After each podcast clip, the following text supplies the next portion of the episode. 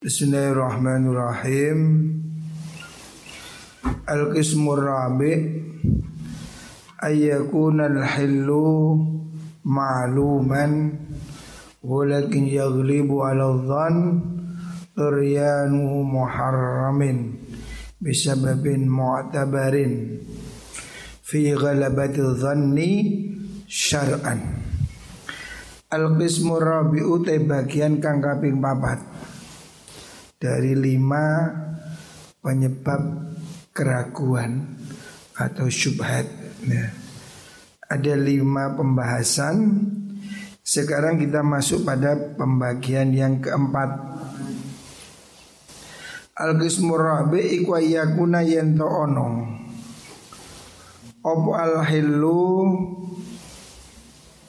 halale iku makluman wusden werui ini berbeda yang kemarin kan.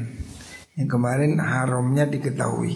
Sekarang yang keempat sesuatu itu diketahui asalnya itu halal. Walakin yaglibu tetapi ninglindi ala dhonni ing atasi penyono Opo turyanu muharramin anyar tekone perkara kang den haramaken bisa babin kelawan sebab mu'tabarin kang den wilang-wilang. Fi ghalabatil dhonni ing dalem nglindi penyono. Syar'an ing dalem cara syarak. Fayarfa'u mongko ngangkat apa mengkuno mengkuno sebab niku. Al istishaba ing hukum istishab istishab hukum asal hukum yang semula. Wa yuqdha lan den hukumi apa ma den hukumi bi at-tahrim. Bitahrimi kelawan den haramaken Izbana krono dadi pertelo lana kedui kita Apa annal istishaba setuni hukum istishab Iku dhaifun apas walam yabqa lan ora tetep lahu kedui mengkono istishab apa hukmun hukum ma'a ghalibi dhanni sertane nglindie penyono. Jadi bagian dari syubhat ya penyebab keraguan yang keempat. Apabila ada sesuatu diketahui asalnya itu halal. Tetapi kemudian ada dugaan kuat ya. Ada dugaan kuat sebab yang baru menyebabkan dia itu haram ya. Kalau seperti ini ya ada zon yang dugaan kuat yang diterima secara syariat yang membuat hal yang asalnya halal itu menjadi haram. Apabila demikian maka dihukumi haram dan tidak memakai hukum istishab. Kemarin kan disebutkan bahwa kalau terjadi keraguan pure murni keraguan tidak ada iktimat maka hukumnya dikembalikan kepada hukum asal atau istishab. Sesuatu yang asalnya suci ya dihukumi suci. Yang asalnya halal dihukumi halal tetapi kalau di situ ada indikator, ya. Jadi indikator umpamanya ada orang mempunyai dua wadah nah, dan contohnya najis yang gampang. Dua wadah salah satunya najis. Kemudian dia itu bisa mengenali yang najis yang ini. Ciri-cirinya begini. Maka ini dihukumi najis. Tapi kalau tidak ada Dua ini satu suci satu najis. Tetapi dia tidak bisa bedakan sama sekali. Lupa. Kalau demikian maka ini namanya syak. Hukumnya berbeda pendapat di antara ulama. Ada yang mengatakan dihukumi suci Ada yang mengatakan dihukumi najis Dua-duanya atau dia melakukan istihad. Tetapi apabila itu bisa dikenali ya Air itu asalnya suci. Tapi kemudian ada tanda-tanda Umpamanya air jeding itu baunya kok berubah ada indikasi bau apa lah menyebabkan dia dugaan kita itu najis. Nah, kalau dugaan itu menguat karena ada indikasinya, maka hukumnya bukan lagi syak, tapi dihukumi hukum yang berlaku sesuai dugaan yang sangat kuat itu. Contohnya wa mithalu contohnya pembagian yang keempat itu syak ya. Syubhat ya. Contoh yang pembagian keempat Iku ayu adya yang toneka akan Apa ijtihaduhu ijtihadi wong? Ila najasati ahadil ina aini Maring dadi najise salah suwijine wadah luru Biktimatin kelawan tetanggenan Biktimatin kelawan tetanggenan Pundiung ala alamatin ing atase tondo muayyanatin kang tertentu. Tujibu kang netepaken apa mengkono-mengkono alamat ya. Netepaken ghalabataz dzanni ing ngelindihe penyono. Artinya menguatkan dugaan. Fatujibu mongko netepaken apa mengkono-mengkono alamah tahrima syurbihi ing harome ngombe mengkono-mengkono napa niku wau? Ma eh, kalau memang ada indikator kuat bahwa benda ini sudah kecampuran najis maka tidak boleh lagi diminum. Karena ada alamah itu kama aujabat kaya oleh netepaken apa mengkono alamat man al wudhu'i ing nyegah wudhu nyegah wudhu bihi kalawan mengkuno mak. Eh. Kalau memang ada indikator kuat bahwa air ini telah berubah karena najis, asalnya suci, tapi indikatornya itu kelihatan, maka hukum asalnya dihilangkan kembali kepada ikut indikator yang tampak. Tetapi kalau indikatornya tidak tampak, ya biasanya kita itu ke terminal. Jeding di terminal itu biasanya kan cuma pakai kaleng. Ya ini banyak ya contoh masjid-masjid juga sekarang seperti itu. Biasanya WC itu cuma airnya satu kaleng. Air satu kaleng ini kan kurang dari dua kula. Zon dugaan kita itu kuat sekali bahwa orang kencing itu wong namanya kalengnya cuma segini. Orang kencing itu ya kalau berdiri pasti nyiprat. Dugaan, tapi tidak tampak. Hukum air itu bagaimana? Kalau tidak ada indikasi, hukumnya tetap suci. Karena apa? Air itu asalnya suci. Dugaan kita, ini dugaan air ini kecipratan kencing, dugaan kecipratan bekas cawi, itu kan cuma dugaan, tidak ada indikasi. Tapi kalau ada indikasi air satu kaleng itu kelihatan muntuk, eh, bekasnya kencing, atau kelihatan apa bau kuning lah. Kalau ada indikatornya maka tidak boleh dipakai. Berarti air itu dugaannya menguat ke arah najis. Tetapi kalau tidak ada indikasi ya kembali seperti kemarin hukumnya adalah istishab. Hampir sekarang ya semua jeding-jeding di masjid, di bandara, di terminal ya.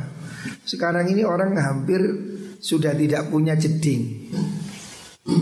Kalau orang dahulu kan pakai jeding. Jeding dua kula. Satu meter persegi sehingga aman. Tetapi hari ini rata-rata orang itu sudah males pakai jeding. Biasanya cuma keran dan kaleng. Kalengnya itu cuma diameter 20-30 Jelas itu kurang dari dua kula. Ditaruh di depannya WC Ini kan dugaan kena najis ini kuat. Apalagi di terminal orang kan biasa kencing berdiri. Dugaan. Tapi tidak ada indikasi. Kalau indikasinya tidak ada Hanya dugaan Maka hukumnya kembali kepada hukum asal. Akan tetapi kalau dugaan ini dikuatkan dengan indikator. Ada bekas kencing, bau, ada seterusnya. Maka hukumnya mengikuti indikasi yang tampak. Jadi dugaan itu menjadi menguat. Wakada kaya mengkuno mengkuno misal Ida kala nalikani ngucap sebuah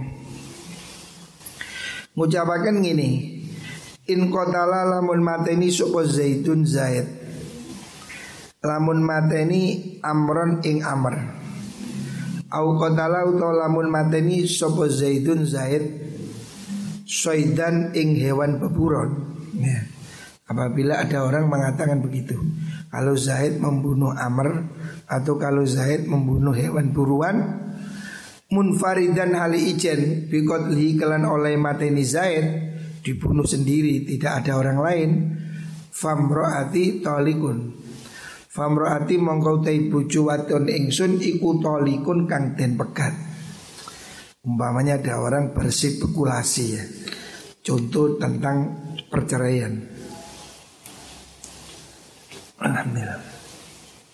Kalau ada orang berspekulasi bahwasanya kalau Zaid membunuh Amr sendiri maka istri saya saya cerai. Ya. Terus kemudian fajarohahu nuli nyatoni sopo mengkuno Zaid ing Amr. Wa ghabalan lunga sopo mengkuno Amr anhu sanging mengkuno Zaid. Fawujida mongko den temu sopo mengkuno Amr maitan halimati yo harumat mongko jadi haram maksudnya jadi haram terceraikan sapa zaujatuhu bojo wadone wong qail niku. Di anna zahirat karena seduni perkara kang pertelo karena yang tampak anahu seduni zaid iku munfaridun ngijeni. Lihi kelawan oleh mateni zaid. Kama keterangan sabako kang ustisi opoma Jadi ini contoh kalau di dalam kasus pembunuhan Apabila orang itu mentaklek menceraikan istrinya apabila Zaid membunuh Amr Ternyata suatu saat, suatu saat Zaid melukai Amr dan Amr pergi setelah itu ditemukan meninggal Walaupun tidak jelas apakah meninggalnya karena luka yang ditusuk oleh Zaid ataupun luka kematiannya itu karena terbentur, jatuh, sakit jantung, apa yang lain. Kan ada kemungkinan. Dalam kasus seperti ini, kemungkinan-kemungkinan yang lain itu dianggap kecil karena apa? Tusukannya dari Zaid itu jelas tampak. Maka dia yang dianggap sebagai penyebab pembunuhan. Artinya kasus orang yang mentaklik tolak seperti itu istrinya otomatis jatuh cerai ya karena berdasarkan indikasi luka yang dilakukan gitu. Wakat naso teman-teman mertelakan sinten asy-Syafi'i Imam Syafi'i rahimahullah. Anaman ing sutuni wong Anaman ing sutuni wong Bundi wong Wajada kang nemu sapa man fil ghudrani ing dalem belumbangan. Belumbangan ya, embung wadah air. Nemu maan ing banyu. Mutaghayyiran kang dadi owah. Ihtamala kang memper. Opo ayyakuna yen to ono opo taghayyuru owae mengkono mak memper iku lil muksi sebab suwene menang au bin najasati utawi kelawan najis fayastamilhu pundi bang fayastamilhu mongko amrih mergawi maksudnya menggunakan sapa wong hu ing mengkono mak. Fayastamilhu Sebentar. Terusan ini kira. Annaman wajada fil ghadran Ma'an mutaghayyar ikhtama yakun taghayrutul muktir jasadin dakhalat fi annahu yasta'miluhu. Ya, khabarnya di sini. Khabarnya anna. Annahu sudune wong iku yasta'miluhu. Kena menganggu sapa manhu ing mak. Ya. Jadi kalau ada orang ragu-ragu Ragu-ragu ada air di belumbangan. Air itu berubah badek umpamanya hijau. Ada dua kemungkinan. Air itu hijau karena lumut, artinya perubahan yang alamiah. Kalau perubahan itu alami kan tidak mempengaruhi kesuciannya air. Jadi air yang di mana di daerah-daerah tada hujan itu kan biasanya air itu di tanah sampai melumut. Air berubah menjadi kehijauan, melumut koyo minyak pakpung meniko. Tapi karena alami, karena lumut-lumut yang alami ada di situ, itu hukumnya tetap suci. Lah, ini ada air berubah kehijauan, baunya kurang enak, tetapi tidak diketahui perubahannya karena lumut atau karena ada orang yang kencing di situ. Ini kan 50-50, ada dua kemungkinan. Dalam kasus seperti ini, menurut Imam Syafi'i, air itu boleh dipakai. Karena apa? Hukum asalnya air itu suci. Dan air yang berubah karena alam, bukan karena campuran yang disengaja, itu hukumnya tetap suci. Berbeda kalau air itu berubah karena campuran seperti ini. Probiotik ini saya masukkan ke sini. Ini berubah. Berubah karena ini. Maka air ini menjadi suci tapi tidak mensucikan. Dicampuri sabun, campuri kopi dan seterusnya. Tetapi kalau air itu berubah secara alami, ini dibiarkan begini dibuka satu bulan lumutan kehijauan. Air ini tetap suci ya. Kalau perubahannya karena faktor alamiah. Atau perubahannya karena lokasi seperti air sungai. Musim hujan begini ini kan air sungai keruh, coklat seperti kopi susu. Nah, hukumnya tetap suci. Karena apa? Berubahnya menjadi coklat itu sesuatu yang tidak bisa dihindari. Berbeda kalau ini, nah ini saya campur ini, nah, air saya campuri probiotik. Ini berubah jadi coklat. Ini hukumnya suci tapi tidak mensucikan. Karena apa? Perubahannya sengaja karena benda ini. Sama dengan sabun, odol dan seterusnya. Misalnya begitu. Terus benih. Walau wajada lamun nemu sapa wong dzobiyatan ing kidang balat kang nguyu sapa dzobiyah fihi ing dalem mak summa wajadahu nuli nemu sapa wong hu ing mak mutaghayyiran hale kang owah. Wah tamalalan memper opaya kuna yen to ono? Opo taghayyuru owae mak iku bil bauli sebab uyuh? Au bitulil muksi utawa sebab suwene meneng? Lam yajus mongko ora wenang. Ora wenang opo istimaluhu nganggo mengguno mak opo kok mboten bareng? Idsara karena dadi opo al baulu uyuh? Kencingnya apa tadi itu? Kijang. Dadi iku al, al musyahadu kang den sakseni kang den tingali iku dilalatan nutuhaken mughlibatan kang ngelindih lihtimalin najasati maring kemungkinan ihtimale najis. Nah, berbeda kalau air yang kita temui di wadah atau di kolam itu dalam kondisi berubah.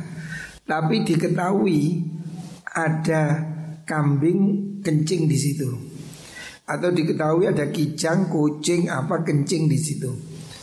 Ini kan ada dua kemungkinan. Perubahannya karena kencing atau perubahannya memang faktor alam karena lamanya diem. Air itu kalau lama diem kan juga lumut dan berubah dan berbau. Di sini ada dua kemungkinan, akan tetapi indikator yang jelas tampak yaitu kencing maka air itu dihukumi najis. Ya. Sebab indikasinya jelas ada hewan kencing di sana. Tetapi kalau tidak diketahui indikasinya, Pokoknya nemu ada air di wadah Baunya agak badek Melumut. Itu kan kemungkinan karena lamanya diam Atau karena ada yang mengencingi.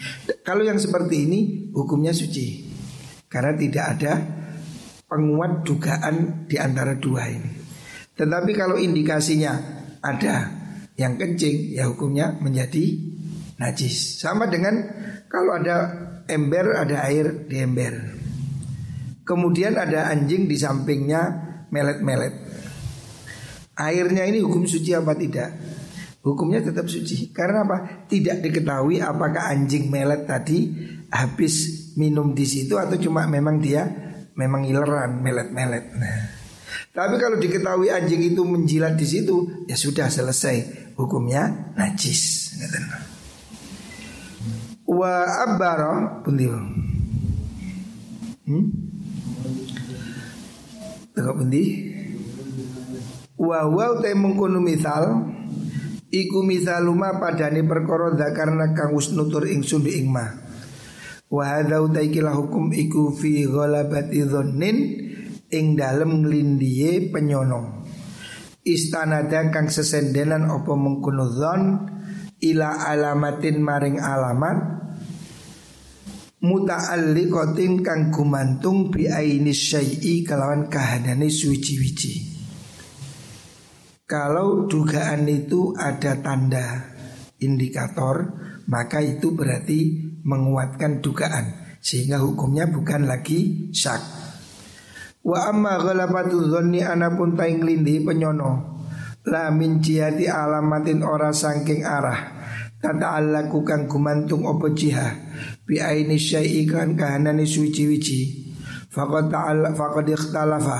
Monggo teman-teman persulayan opo qaulus syafi'i? Dawi Imam Syafi'i radhiyallahu an.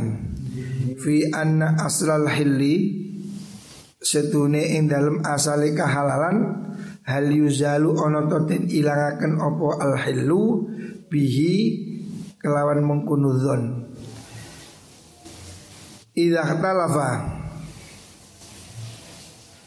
Id talafa Id ikhtalafa. Krono dadi persulayan opo qulu dawi Imam Syafi'i fit tawaddu'i dalam wudu nganggo wudu min awanil musyrikina saking pira-pira wadai wong musyrikin. Wa mutminil khamri lan wong kang langgengi minum khamr wa sholat ilan sholat fil maqabiri dalam pira-pira kuburan al mambusyati kang den keduk wa salat ilang salat ma'atini syawari'i sertane endut piro-piro dalan. Maksudnya kaki yang bercampur lumpur. Akni ngarepaken ingsun al miqdara ing kira-kira azzaida kang tambah alama ing atase perkara yuta'adzaru kang den sepuro opal ikhtirazu ngrekso anhu saking mengkono ma jadi tentang keraguan, tentang syubhat tadi.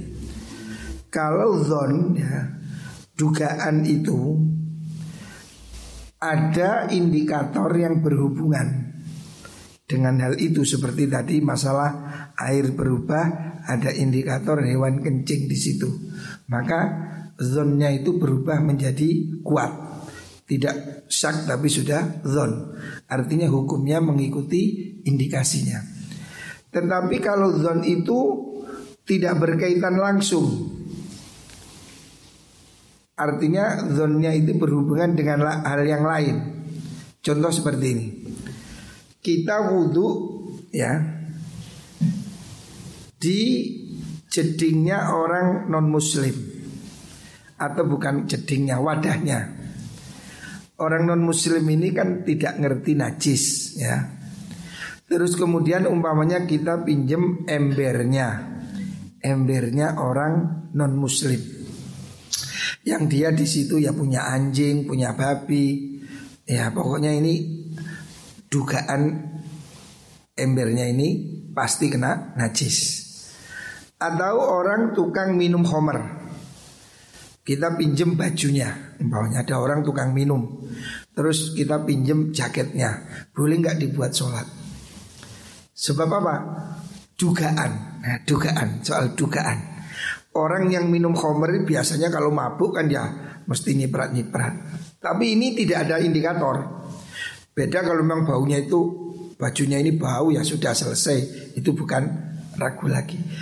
Umpamanya kita pinjem sarungnya orang tukang minum khamr atau orang yang nggak ngerti najis ya. Boleh nggak sholat pakai pakaian itu atau wudhu pakai wadah itu boleh nggak? Dugaan dia itu kena najis. Faktanya tidak jelas. Nah, dalam kasus seperti ini ya, dugaan yang dikuatkan oleh sesuatu yang tidak langsung, yaitu pekerjaan orang ya. Tidak langsung seperti kencing tadi.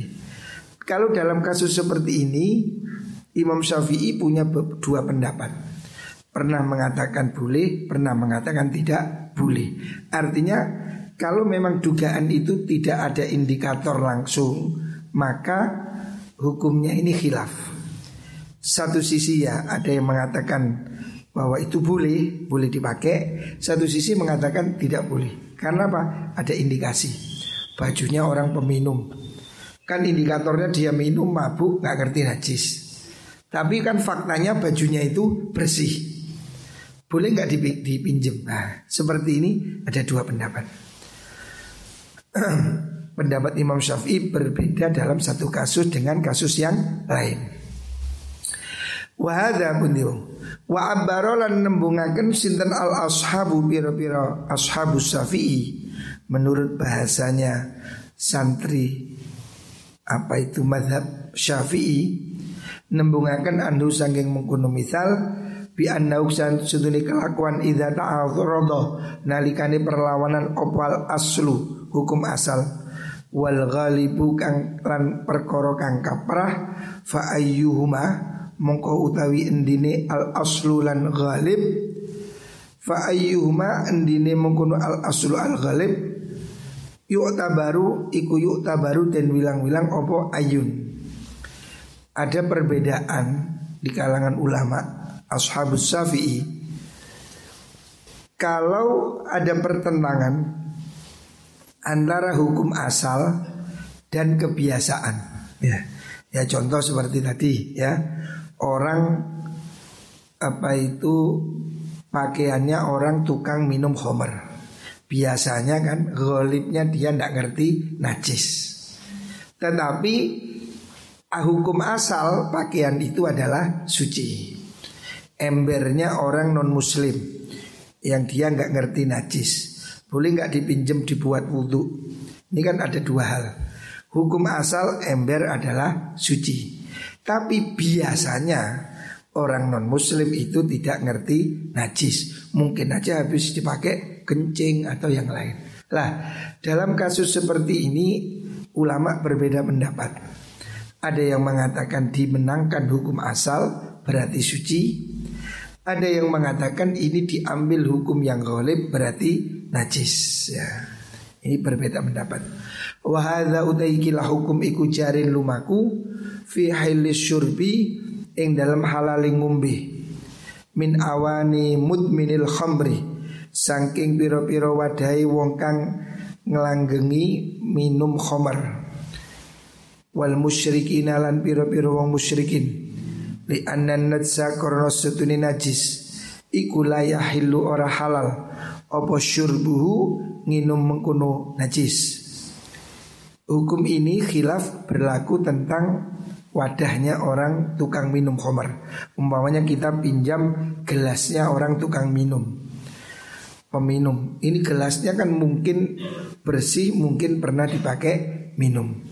Di sini hukumnya khilaf. Ada yang mengatakan boleh, ada yang mengatakan tidak boleh. Faidan nalikani mengkun mengkun ikhtilaf niku makhudun najasati utenggon ngalapi najis wal lan hukum halal iku wahidun siji. Judut panjangnya sama antara hukum asal atau hukum ghalib. Watarok tutu tay midar midar fi ahadima ing dalam salah suci ne mengkono mengkono napa niku hukum hukum asal lan hukum ghalib iku yujibuna tepaken apa mengkono tarodud tarodud ing miter-miter untuk mamang fil akhari ing dalam hukum kang liya. Ya. Artinya seandainya kita ini pinjem gelasnya orang tukang minum ya. Botolnya atau gelasnya. Boleh nggak ini pinjam gelas ya di restoran di apa itu mamanya kita ini disuguhi oleh tukang minum minuman teh tapi di gelas yang biasanya dipakai minum homer. Boleh nggak diminum? Ini sama dengan najis apa tidak gitu. Kalau kita menghukumi bahwa ini biasanya dipakai minum berarti hukumnya najis maka minum dari situ tidak boleh. Tetapi kalau kita memakai hukum asal asalnya gelas itu suci, berarti air di situ juga suci. Nah, ini perbedaan pendapat antara hukum asal dan hukum ghalib ya. Suh waladhi utai perkoro ikhtaro kang milih sobo asyafi'i hu ingma iku annal asla suduni hukum asal huwa yu asal iku al mu'tabaru hukum kang ten wilang-wilang Perbedaan ini ada dua pendapat Tetapi Imam Syafi'i lebih cenderung memilih pendapat yang mengatakan bahwa hukum asal yang dimenangkan. Artinya umpamanya kita pinjam sarungnya sarungnya orang tukang minum ya, Boleh nggak dipakai sholat? Selama tidak tampak najis, selama tidak tampak kotor, boleh karena asalnya hukumnya sarung suci. Perkara biasanya dipakai minum itu kan soal lain. Tidak ada tanda, tidak ada indikator. Tetapi kalau ada indikator, sarungnya itu belepotan, ada bekasnya, ada baunya, selesai. Berarti hukumnya najis. Wa annal alamatalan sudini tondo Iku idalam tata alak Nalikani ora gumantung opo mengkuno alamah Wi ainil mutanawali kelan kahanane perkara kang den perkole tidak ada kaitan langsung dengan benda yang dipakai lam tujib mongko ora netepaken apa mengkono alama rof al asli ing ngilangaken hukum asal. Jadi perbedaan ulama di sini ditarjih oleh Imam Ghazali bahwasanya yang dipilih adalah hukum asal. Ya. Imam Ghazali memilih kalau terjadi perbedaan antara hukum asal dan dugaan karena kebiasaan Imam Ghazali memilih hukum asal. Artinya yang dimenangkan itu hukum yang suci ya. Walladhi akhtaruhu annal aslah wal mu'tabar. Ada dua pendapat di kalangan ulama Syafi'iyah tentang keraguan benda najis tidak najis mempertimbangkan hukum asal dan hukum ghalib. Imam Ghazali cenderung memilih memenangkan hukum asal. Artinya sesuatu yang asalnya suci dihukumi suci. Sesuatu yang asalnya halal dihukumi halal ya. Walaupun ada kemungkinan itu tidak halal atau najis ya. Ya seperti contoh Ya tadi yang saya katakan air di terminal, di bandara atau kan ada jeding yang WC yang kalengnya kecil itu. Biasanya air segitu itu kecipratan. Kalau kecipratan hukumnya najis. Tetapi hukum asalnya air itu selama kelihatan bersih, hukum asalnya adalah suci. Berarti air itu hukumnya suci karena mengambil hukum asal ya. Wa sayatilan bakal teko apa bayanu dalika keterangan ini mengkuno al aslu niku al mu'tabar fil mathari ing dalam fil apa nih fil mathari ing dalam perkara kang akan apa faktor pendukung asani kang kaping pindo li syubhati maring syubhat ya.